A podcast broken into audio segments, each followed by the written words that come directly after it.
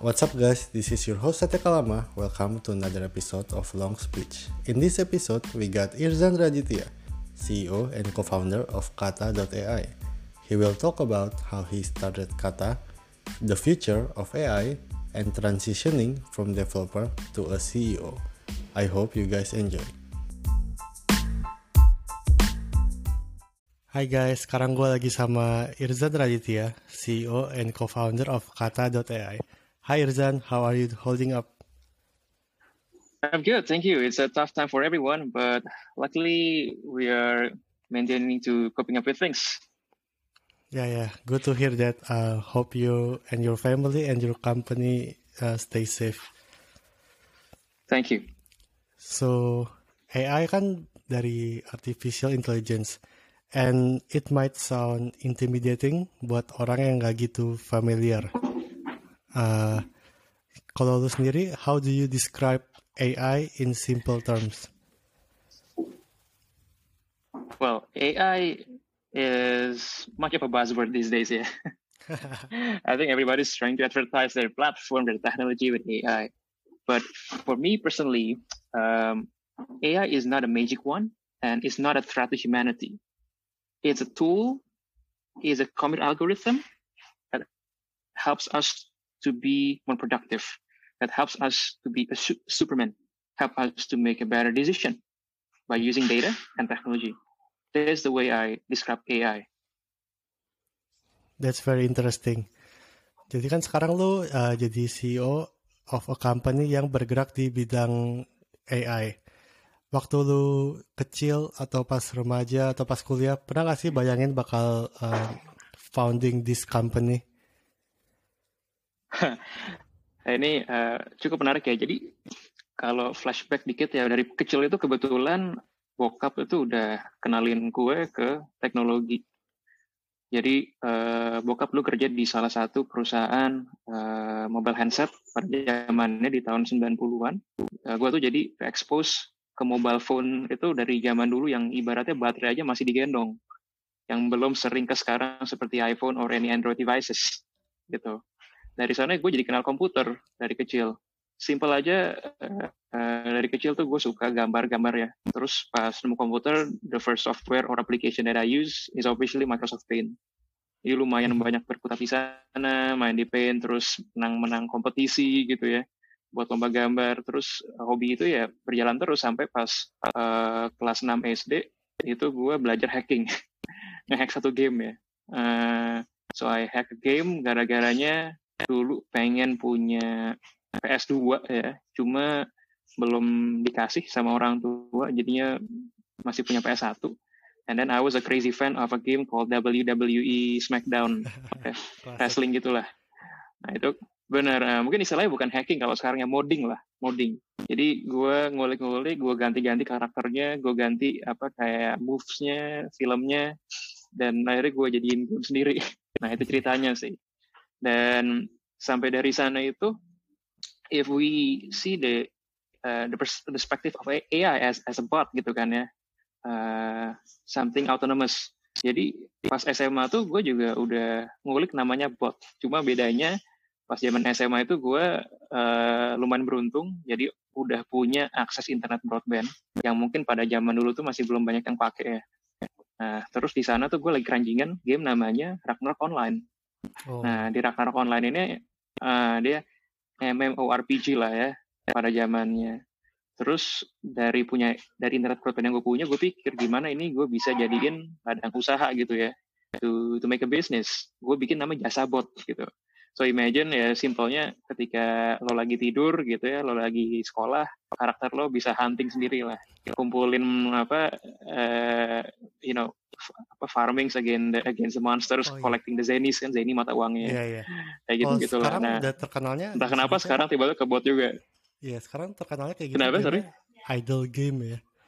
Ada kan beberapa kayak game lo diem tapi dia gerak sendiri.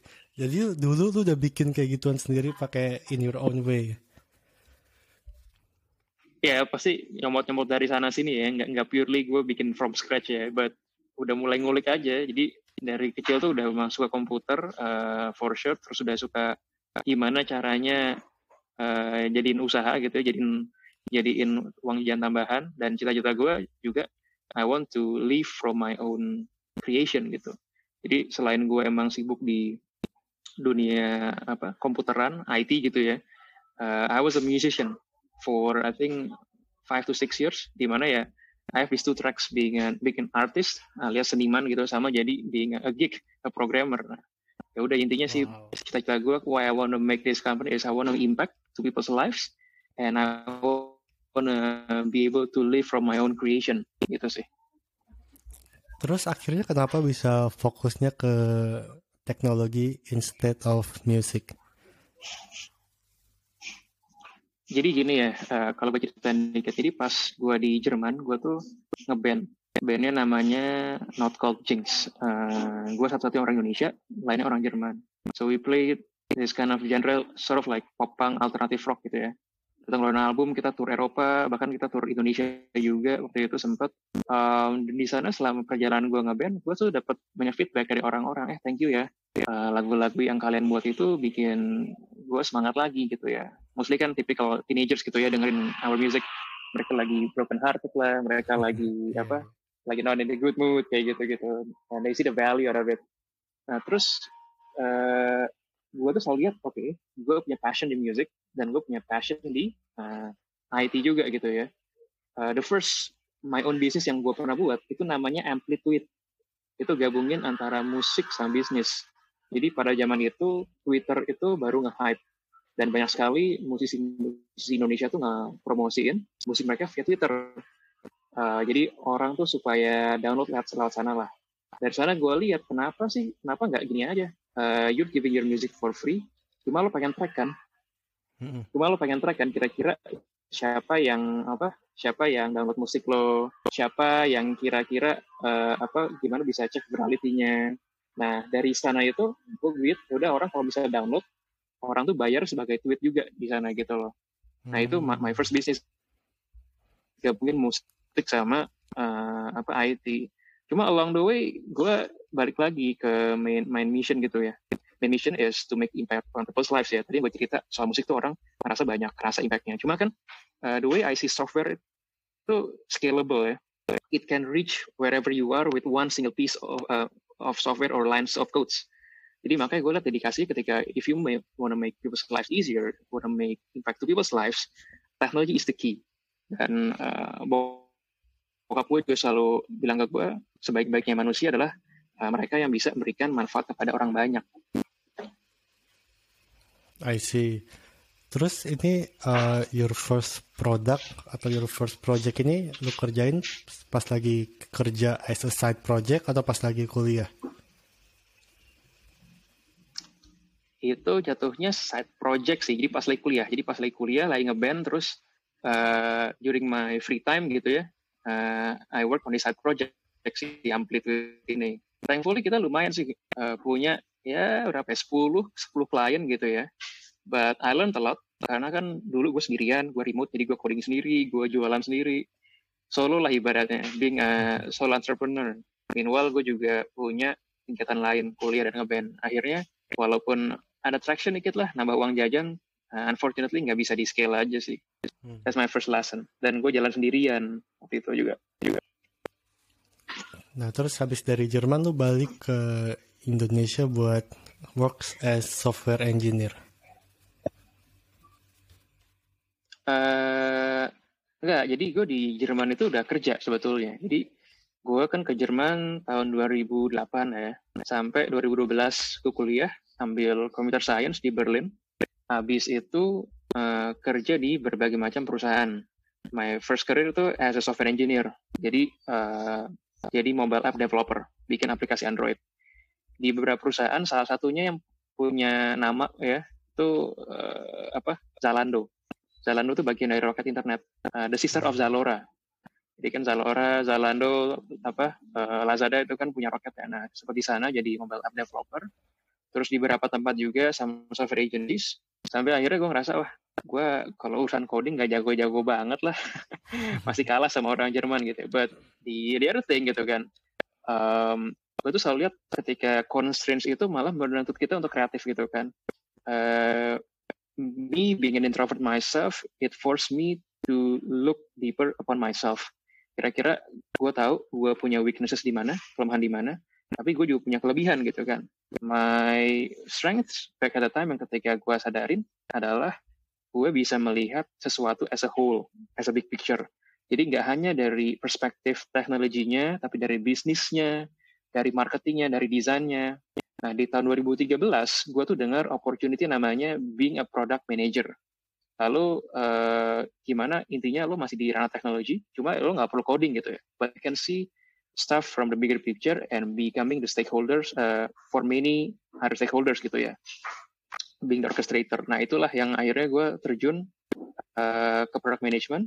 Eventually sebelum balik Indonesia, gue dua tahun uh, jadi head of mobile product di salah satu perusahaan online delivery terbesar namanya di Jerman sana, namanya Livrando terus mereka di-acquire sama bigger company namanya takeaway.com.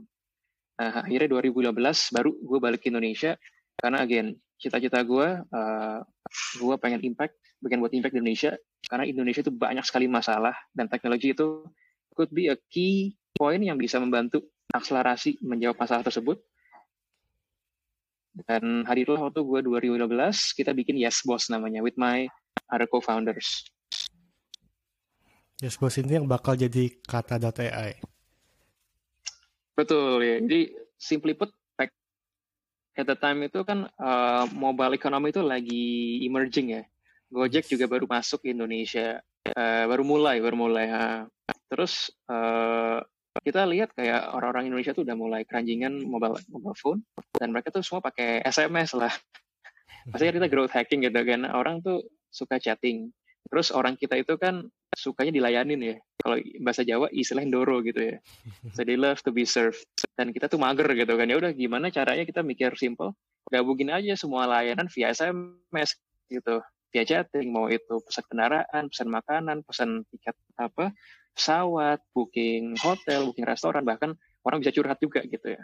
Tapi dari awal tuh, uh, me and my co-founders, kita sadar kalau kita keep on doing that in a, in a large scale, ini bisnis nggak bakal scalable karena kan ini heavy on human operations. Uh, so dari awal kita udah bikin kayak foundationnya ini butuh artificial intelligence, ini butuh natural language processing to make the operations and business scalable. Jadi dari awal tuh kita udah bikin foundation ke arah sana. Cuma kan kalau kita ngomong soal AI ya, AI itu uh, bisa bilang chicken and egg kan. You cannot build the model, the algorithm without having the data. Nah sekarang data-data orang chatting, orang uh, ngomong bahasa Indonesia, itu siapa yang punya, ya kan?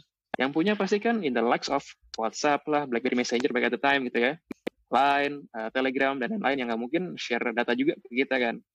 Nah dalam di, di machine learning itu ada istilah cold turkey start.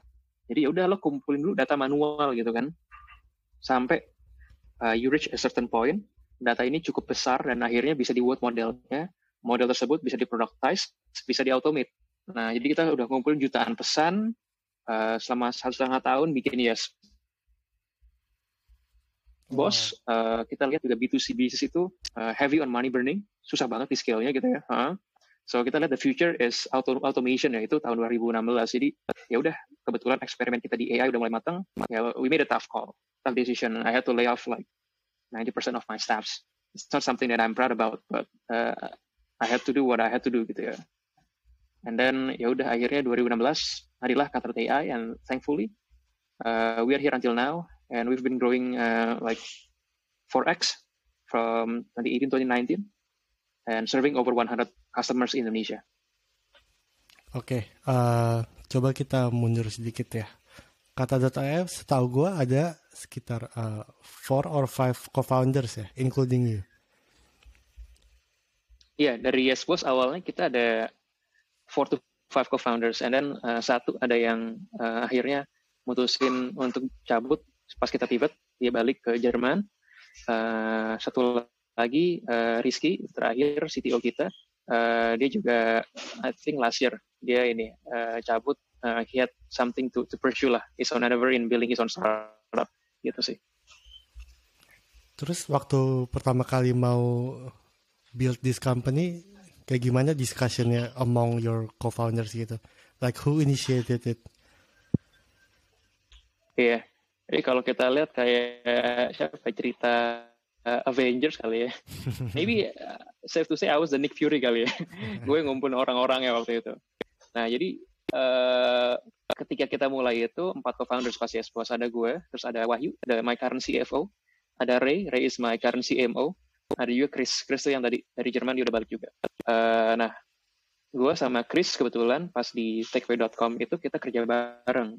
So I was the head of mobile product, si Chris itu was head of design. Jadi kita banyak lah interaksi bareng dan dia juga passionate di entrepreneurship. Makanya kita punya banyak diskusi gitu kan, uh, habis kerja gitu ya, uh, hangout ngobrol-ngobrol bisnis gitu kan, mikir ide apa nih yang seru, ekspor sana sini. Jadi di sana sih ketemunya. Nah, terus what about the other two co-founders? Nah sama Ray itu he was a, a long friend of my old friend of mine ya. Jadi pas zaman zaman SMA gue ngeband, Ray itu juga ngeband. Bedanya uh, eh, gue punya band dulu main apa di metalcore screamo gitu, Ray itu di popang dia.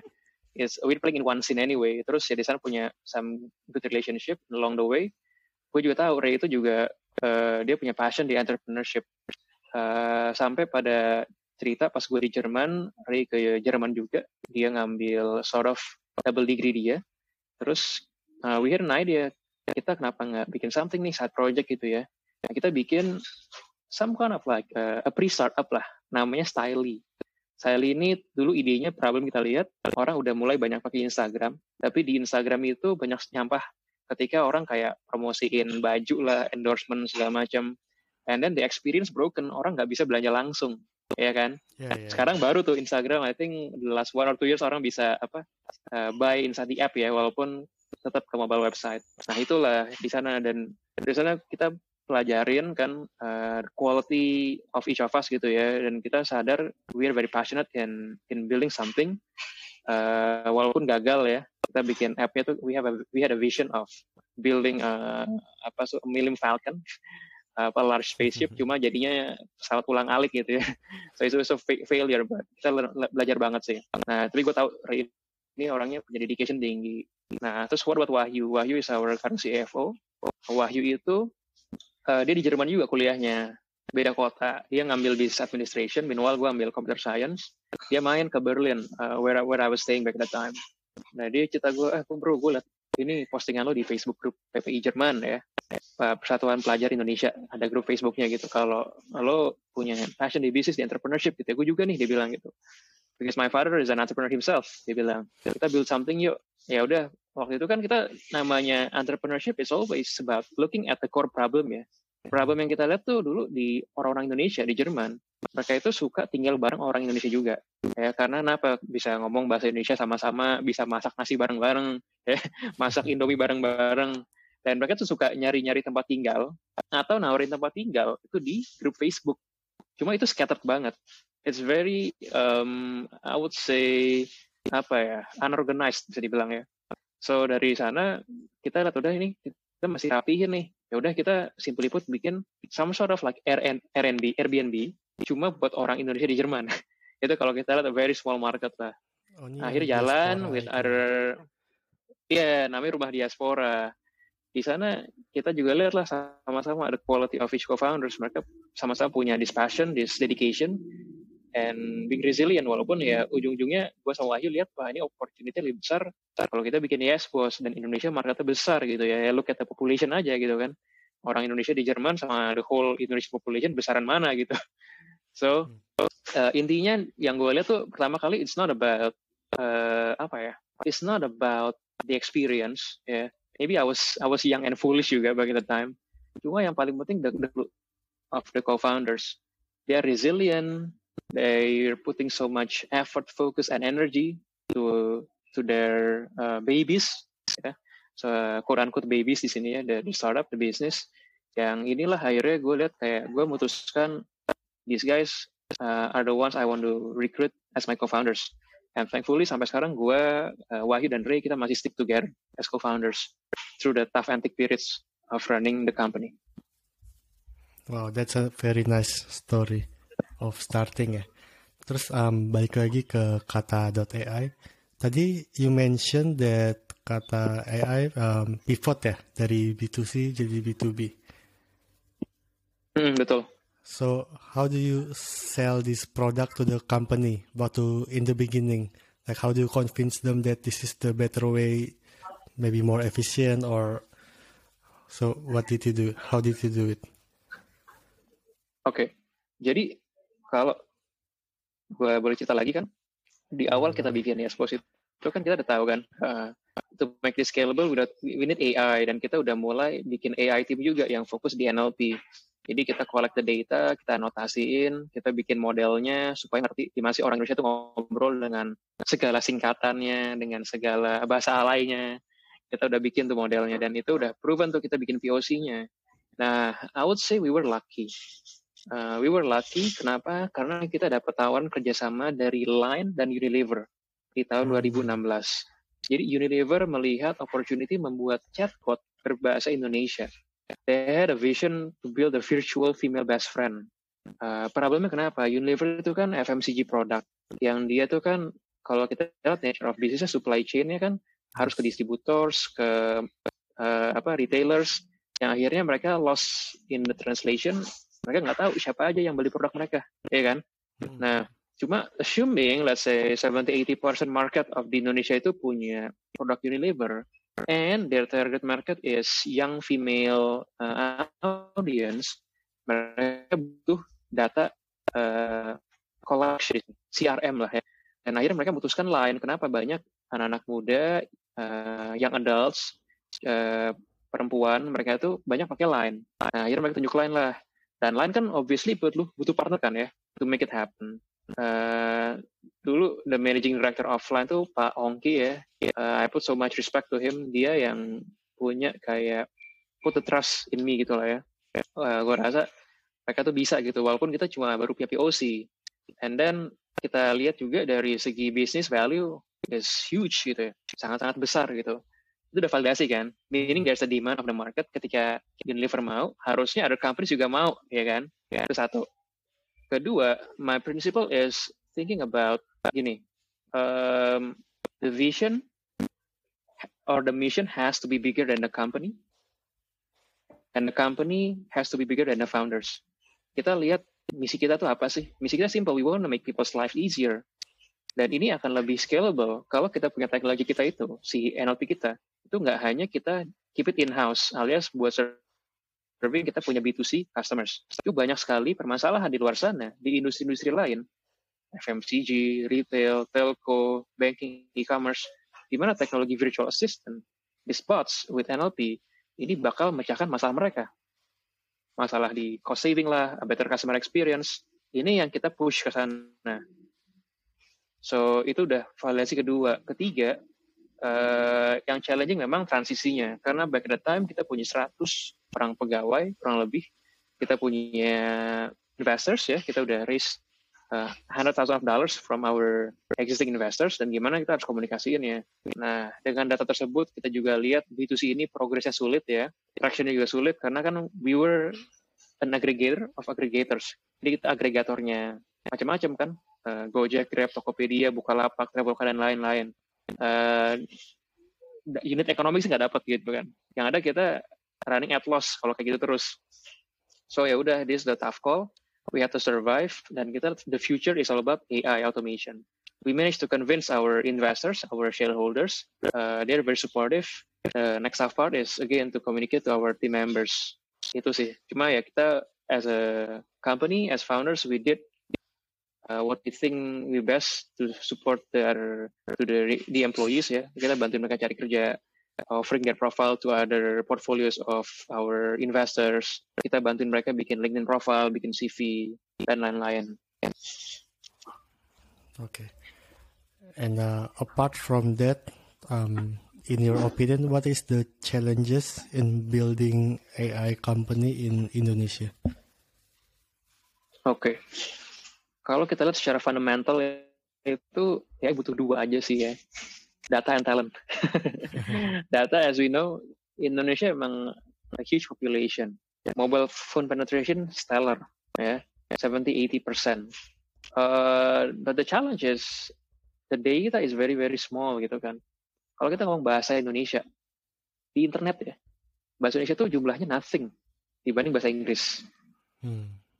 Itu satu. Dan data itu ketika misalkan kita ketemu kita punya B2B customers, itu scatter pasti. Ada yang di Excel sheet-nya komputer si A, Excel sheet komputer si B, ada yang di apa uh, online drive storage gitulah, ada yang di Tableau. So data is scattered gitu ya. Itu challenge-nya. Jadi akhirnya kita juga perlu kreatif how can we build an AI model with low resource data. Itu ngomong soal data. Kedua, talents. Udah bukan rahasia umum juga uh, kalau namanya engineering talents di Indonesia itu susah kita dapetin yang bagus gitu ya. Let alone talents di AI dan machine learning. Karena kan buat punya talent di AI itu rata-rata orang harus minimal master atau PhD lah ya. Dan sekarang berapa orang sih orang PhD di Indonesia gitu kan yang fokus di AI mereka mungkin banyak uh, I think lima tahun ke belakang itu ya sekolah di luar negeri jadi kita harus kreatif juga in getting the talents and thankfully kita juga punya beberapa diaspora Indonesia yang uh, punya background di AI, di NLP, pernah kerja di Google, di Apple, yang mereka percaya dengan misi kita di sana. Still talent is a big challenge. Ketiga, uh, tadi gue ngomong soal data, talent. Oh, what we forget is about uh, convincing the customers gitu ya. Mungkin di awal-awal sulit gitu ya, karena ini kan something new kan. It's a risk, is a budget to spend. Uh, cuma we see di market Indonesia itu punya FOMO mentality, fear of, fear of missing out. Hmm. Nggak hanya di B2C segmen, cuma B2B segmen. Kita bersyukur banget di awal-awal tahun kita berdiri itu kita udah bisa attract the, the leaders of each industry ya. Kita punya Unilever, either di FMCG as our client, kita ada Telkomsel di Telco, kita ada Bank BRI di financial service, ada Alfamart di retail. Akhirnya itu ngebantu kita juga untuk ngegayat uh, klien-klien yang dari uh, apa uh, the third, the second or the rest of the players di respect in respective markets. Kurang lebih sih gitu ya. Yeah. Uh, I think the most interesting point that you mentioned is talent. Kayak yang lu bilang untuk talent kan um, company-company kayak you know unicorn lah, dekakorn lah juga pasti kan rebutan talent yang uh, yang bagus-bagus ya. So untuk kata, how do you convince the people to join you? Uh, I think it goes back to the the mission gitu ya, and and the, and the vision of the company. Jadi kalau uh, gue lihat itu the talent mereka tuh pengen lihat misi itu apa sih besarnya gitu kan and relation ke mereka tuh apa this is engineering talents they want to build something great something new innovate gitu ya. Dan kita juga ketemu ternyata banyak market di talent itu yang mereka passionnya bikin teknologi platform di mana uh, passion tersebut belum tersalurkan. Karena kalau kita lihat 5-6 tahun ke belakang itu kebanyakan uh, tech enabled companies yang mereka dasarnya uh, eh, B2C misalkan ya, hmm. marketplace, ride hailing, uh, transportation di mana tech as the enabler, bukan tech product, bukan software yang emang dipakai barangnya. Nah, so we, kita ketemu lah uh, segelintir talent yang emang passion bikin di sana. Dan ini kita kita jual this vision. Dan ini kita jual juga the vision of we're building, we're the first AI company di Indonesia dan kita want to solve the problems in how to make machines understand humans' language so that machine could help elevate people's potential so they become more productive so they could solve a better problem with data kurang lebih gitu sih oke okay. terus ngomongin lagi soal AI um, chatbot kan one of um, sebagian kecil lah ya mungkin ya dari AI um, menurut True. sendiri mm -hmm. realistically bisa ke mana aja in maybe the next five years for maybe Kata or whole Indonesia in the AI industry? Ya, yeah. menurut gue gini sih, um, AI tadi kan sangat berkaitan dengan data ya, dan kita harus uh, look back juga di market kita. Hal-hal unik apa yang kita bisa pecahkan dengan data-data yang hanya ada di Indonesia? Karena kalau kita lihat secara horizontal, so if we just want to solve uh, the NLP problem, for example, if you just want to solve the computer vision problem, uh, the threat is too big. Uh, imagine Google, IBM, Microsoft, Amazon, they pour billions of dollars in this market dan itu akan sulit. Cuma banyak sekali data-data unik di Indonesia yang nggak dimiliki oleh uh, pemain asing atau yang nggak mudah diakses. Data misalkan financial service, data di healthcare, education. So my my belief is yes, the, the, the if Indonesia wants to win this AI market is to focus on verticals, industry sectors that create uh, an economy yang ngasih impact lebih ke masyarakat. Jadi kalau kita bisa pecahkan masalah masalah di sektor tersebut ya dengan AI, ini impactnya juga akan besar. Kita juga bisa lihat di Cina ya. Di Cina itu udah banyak sekali pemain-pemain AI yang mereka fokusnya tuh ke specific industry sector and they're thriving. Misalnya di education, ya, di financial service, di healthcare, itu udah proven. Indonesia, kalau kita mau menang di uh, regional ASEAN, kita harus mengikuti angka yang serupa bisa dibilang. Nah, oleh karena itu kita uh, kata.ai kami di sini uh, tahun lalu kami meluncurkan inisiatif we we built an, a new arm yang fokus di AI healthcare. Namanya Priksa. So Priksa ini is a, actually our subsidiary lah bisa dibilang a joint venture between us and the largest hospital networks di Indonesia uh, with Siloam kita lihat banyak sekali masalah yang bisa dipecahkan oleh AI terkait healthcare. Apalagi knowing hanya ada satu dokter untuk 30 ribu pasien di Indonesia. Dan dokter-dokter tersebut itu terkonsentrasi di Pulau Jawa dan Pulau Sumatera. Itu contohnya aja ya. But again, uh, our vision is if you could solve industry problems, vertical focus, that's how AI could thrive in Indonesia. Nah, terus uh, salah satu gambaran AI yang mungkin most people tahu itu dari film Terminator. You know, robot and they gone, you know, rogue. Terus kayak akhirnya masa depannya sedikit um, sedikit suram ya kalau gue bisa bilang dari filmnya. Terus kan beberapa orang juga Iya iya iya benar sih. Beberapa orang terkenal kayak Elon Musk mungkin sempat mention soal you know the danger of AI in your um, personal opinion, what do you think about uh, the potential of AI bisa jadi rogue or um, berbahaya untuk manusia?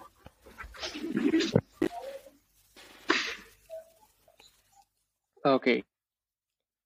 Jadi sebetulnya AI itu ada dua di sini yang emang menurut gue sendiri belum begitu di masyarakat kan di sini ya.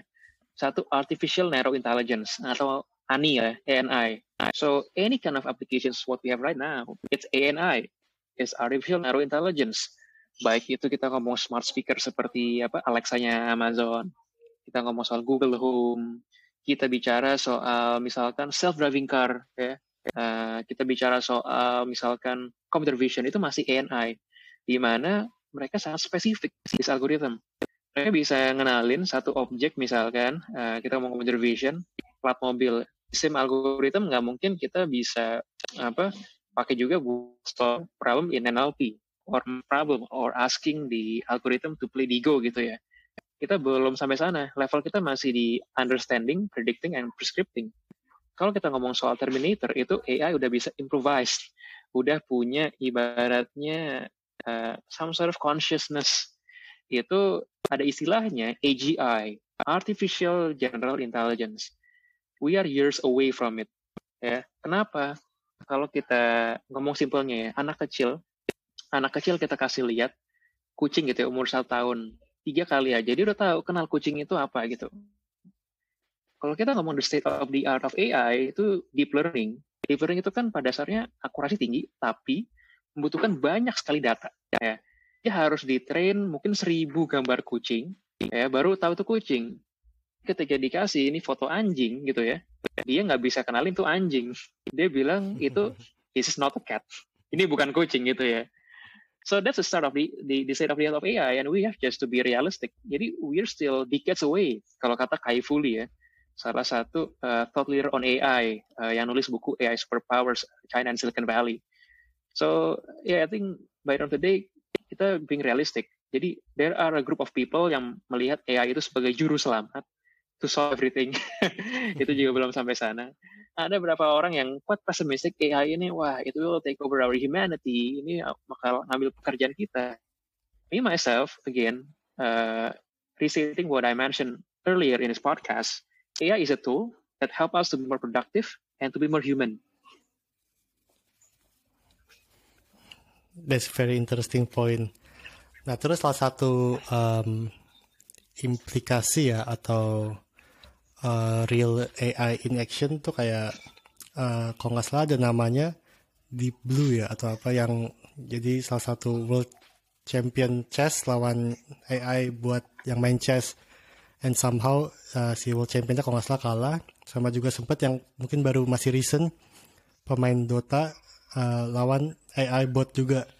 Terus mereka kalah. Terus menurut lu sendiri apa oh iya benar ya, apakah true, true, true, yeah. ke depannya AI bakal you know maybe merajai semua uh, e-sports atau atau sports yang mungkin ada pakai uh, pakai otak ya sebutannya ya?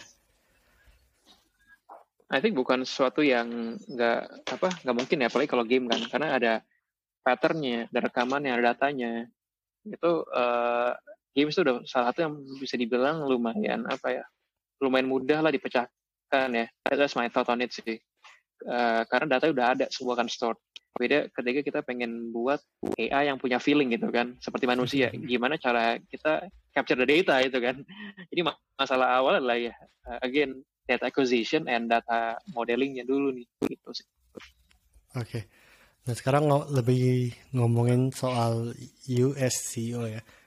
So do you have advice for engineers yang want to transition to PM atau bahkan mungkin dari engineers ke CEO kayak lu gitu?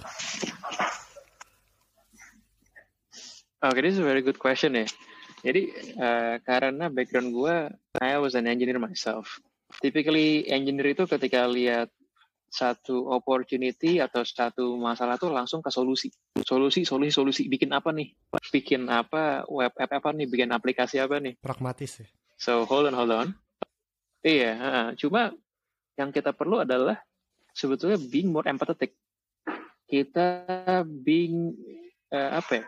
Uh, lebih deep dive the problems, understanding the problems to the core, talk with the, customers, talk with someone who needs your solution, who feel the problems, and fokus di sana sih. Jadi uh, tips dari gue adalah put yourself in the customer shoes. Itu nomor satu. Karena typical engineers yang gue bisa bilang, I was speaking to myself, ya kita terlalu uh, fokus di solusi duluan gitu ya.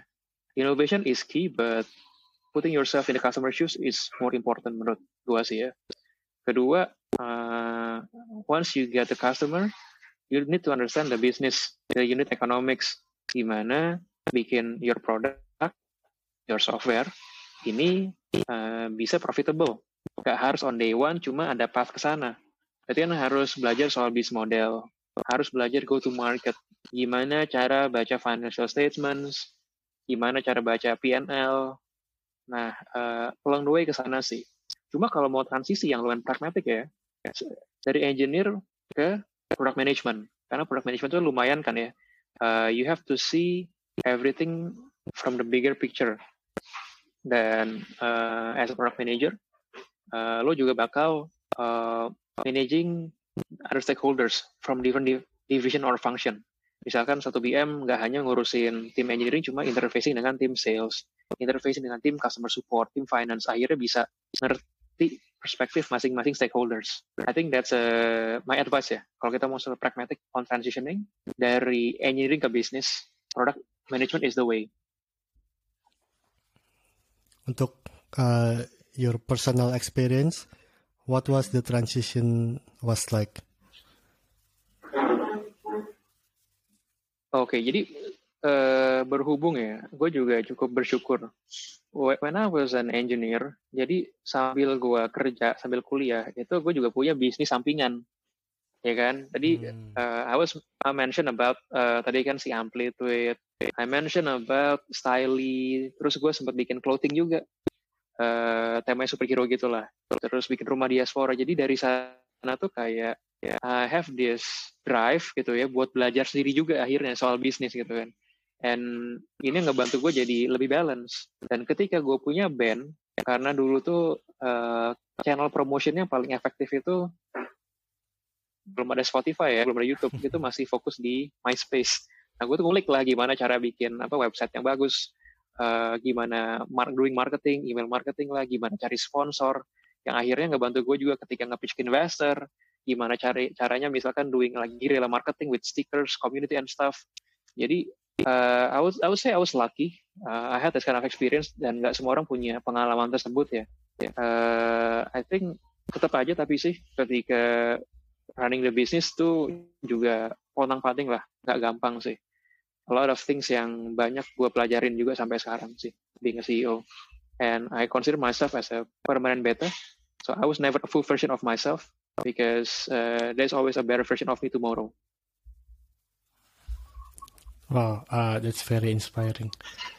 Um, terus ngomongin soal kata.ai, in this situation kan, uh, kata with few startups yang mungkin bergerak di bidang data juga ya, kayak Clue, Volantis, mm Kiskas, um, sama partner with MDI Ventures, uh, do this initiative ya, called Indonesia Bergerak. Can you tell me yes. more about that initiative? Iya, yeah. I think kalau kita lihat secara gambaran besarnya, on a big bigger picture perspective ya, this this virus, this coronavirus, it unites us, ya, yeah, as a society. It's a villain yang di mana kita akhirnya banyak stakeholders yang kerjasama untuk memecahkan masalah ini. Gak hanya di Indonesia, kalau kita di global, Apple sama Google aja yang wow, they work together gitu kan ya buat tracing di sana kan. So kami pun di sini yang ibaratnya udah uh, satu apa satu portfolio gitu ya di bawah MDI gitu kan. And we see the opportunity gimana kita bisa kerjasama by leveraging data and technology to combat the COVID-19 gitu ya. Mungkin kita we start small with apa uh, dashboard pelaporan with a chatbot orang bisa tanya jawab bisa tanya informasi terbaru. Dan ini juga kita merasa this the way we as technology companies to give back to the society. Tidak hanya untuk uh, seizing the market opportunities or capitalizing the market, tapi juga berikan mas dampak lebih ketika masyarakat butuh gitu ya. Jadi ini sih yang drive kita ya. Uh, for me myself and my company, what I keep on emphasizing is the value of AI for good. Jadi AI ini banyak sekali manfaatnya untuk memecahkan masalah-masalah sosial yang ada di Indonesia. Ketika kita ada kesempatan ini, let's do it. And the people, the team, their heads down and they're very supportive to make this happen. Can you tell me more about uh, who initiated this program? Is it um, MDI Ventures or any of the startups? Uh, initiator dari MDI Ventures. Jadi mereka yang memang uh, ngumpulin kita semua lah, kata Kiskas, Clue, sama Volantis for this initiative. Oke. Okay. Nah, ngomongin soal MD Ventures kan dia salah satu investor kata, right? Uh, lu kan sebagai yes. founder or CEO um, pasti yang lebih sering ngomong lah sama visinya atau investor dari company lu.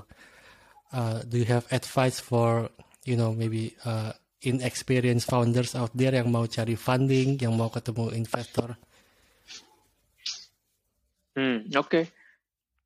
Ini juga pertanyaan yang uh, sering gue terima ketika emang giving talks ya ke universities, ke apa acara-acara community gitu ya. Jadi gini sih, um, kita itu terlalu dibutakan dengan media sih ya. Media itu uh, selalu nge-boost soal funding sana sini gitu ya. Akhirnya ngasih perspektif buat the community, the people who want to build startup, funding is everything.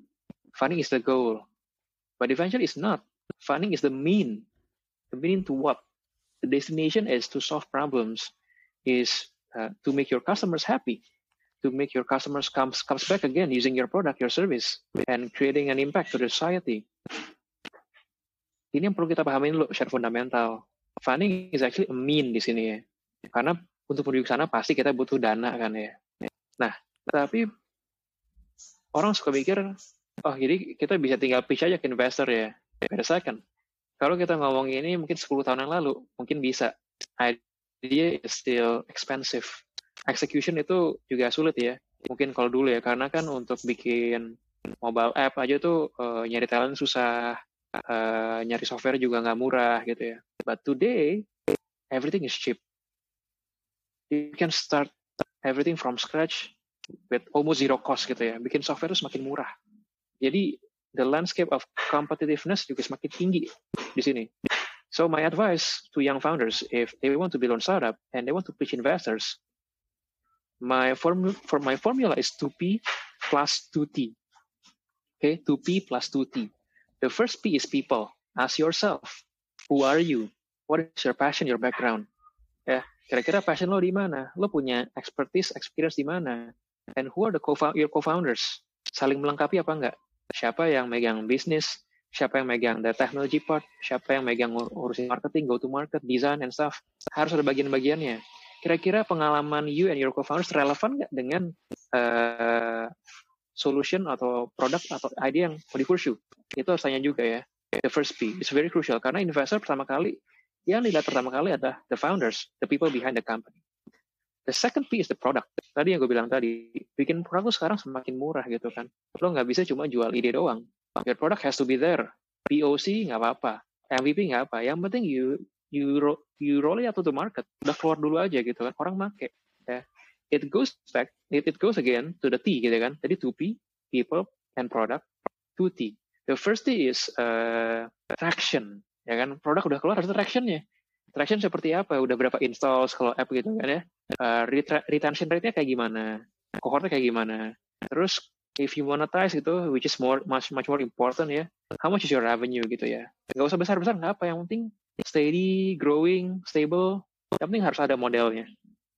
Karena uh, apalagi dengan masa kayak gini in this pandemic, a lot of market corrections dan investor semakin lihat uh, being profitable is super super important. Being cash flow positive is super important and you have to show that kind of model from early on gitu ya. And the last thing is timing timing is everything. Jadi nggak mungkin kalau sekarang nih ya ada kita punya ide, I want to build the next apa di other Gojek gitu ya. I want to build the Tokopedia. Ya mati aja loh yang ada gitu kan ya. Kayak why should investors like put in like billions of dollars to to to build the giants gitu.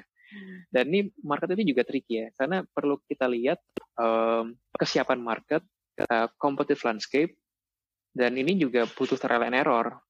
Uh, karena again kalau kita pernah dengar cerita Henry Ford ya, pas zaman dulu dia tanya orang-orang what do you need gitu kan ya, orang pasti jawab faster horse gitu kan ya. Dikasih mobil nggak tahu gitu kan. But this is the job of innovator to show what you can build and validate. Jadi makanya prinsip lean startup ini penting banget lah di sini untuk validasi the timing aspect gitu. What's your effort to to fight the pandemic like internally? Ya, this this pandemic ini juga apa ya hal yang baru lah buat kita semua ya. Bahkan buat mereka mereka-mereka yang udah mengalami crisis di 2008, this is something even worse, something bigger. Yang dari recession bisa lead to depression. Apalagi buat gue sendiri yang I'm a first time founder and against this crisis gitu ya. And there will be the new normal and kita nggak bakal kembali ke normal yang sebelum pandemi terjadi ya. The way we assess things, the way we run things will be different. The way we assess things ya kita perlu lebih sensitif melihat kondisi market, lebih uh, peka melihat opportunity, kita lebih peka juga control cost di sini, building a sustainable business itu akan jadi sangat, jadi sangat penting. Dan ada beberapa sektor yang sangat penting kita lihat ya akan thriving. Kita bisa lihat misalkan um, education, apalagi online education. Remote education jadi sangat penting. Where Zoom is becoming the new WhatsApp. Kalau uh, gue bisa bilang ya, karena sekarang orang yang tadi nggak tahu Zoom tiba-tiba jadi dengar soal Zoom. Terus uh, Slack juga sama, Microsoft Teams juga sama. And then we talk about healthcare. Healthcare is the one and only industry kalau kita lihat dari stock markets yang emang uh, mereka soaring up selain collaboration software ya. Jadi healthcare tuh jadi sangat penting apalagi e-healthcare di sini. And this is the new normal yang kita perlu lihat di industri ini. Apakah apa yang kita bisa give more impact or value dengan the new normal. And this will never be the same. intinya isi itu sih ya. Interesting point. So kita udah ngobrol udah sekitar 50 menit ya. Gue personally nggak berasa sih and and you pointed out iya ya. few interesting and insightful points. Uh, before ending gue pengen play a little game. Jadi gamenya gue bakal mention beberapa variabel dan uh, lu um, bantu gue untuk rate atau nilai variabel-variabel tersebut dari 0 yang gak gitu relevan sama lu sampai 10 yang relevan banget lah sama experience lu sama ini as a CEO, Okay. as a founder. Okay, Sure. so the the first variable is uh, hard work. Ten. Ten. Mhm. Next, uh, eh, I think for hard work 10 itu uh, udah nggak perlu dibahas ya kayak mostly most people will will have a 10 for hard work. Next, uh, iya iya uh, intelligence, I think eight like uh, why 8? Why not 10? Like kenapa ada gap? Uh, well, talking about intelligence, uh, there are way lot more people who are more intelligent than me, gitu ya. Jadi di sini, I think is I will never be 10 di sana. Uh, the reason is being again, I'm a permanent beta, yeah. So I have to keep on improve myself, and there will always be a better version of me tomorrow. Okay. Next is uh, luck. Sorry apa? Luck atau hoki. luck luck nine ya uh, I, I was lucky a lot of times gitu kan but again there's a saying luck is ready to help you once you are well prepared Last but not least, network. I would say uh, eight because by the end of the day uh, it is not who you know but who knows you Okay, and uh, last thing, do you have anything to promote um, from Kata? Like, um, mungkin Kata lagi hire or ada inisiatif baru or something?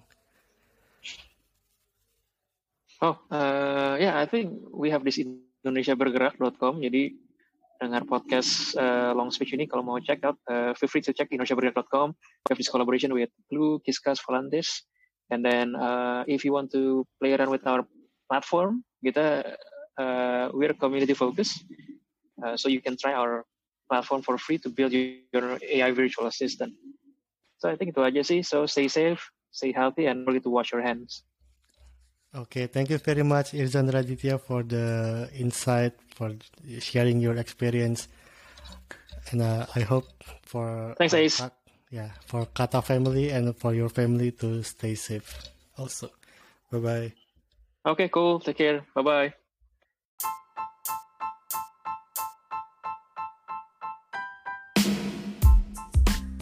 Hi guys, thank you for listening to Long Speech, a podcast about startups where we are joined by founders and VCs sharing their stories and insight.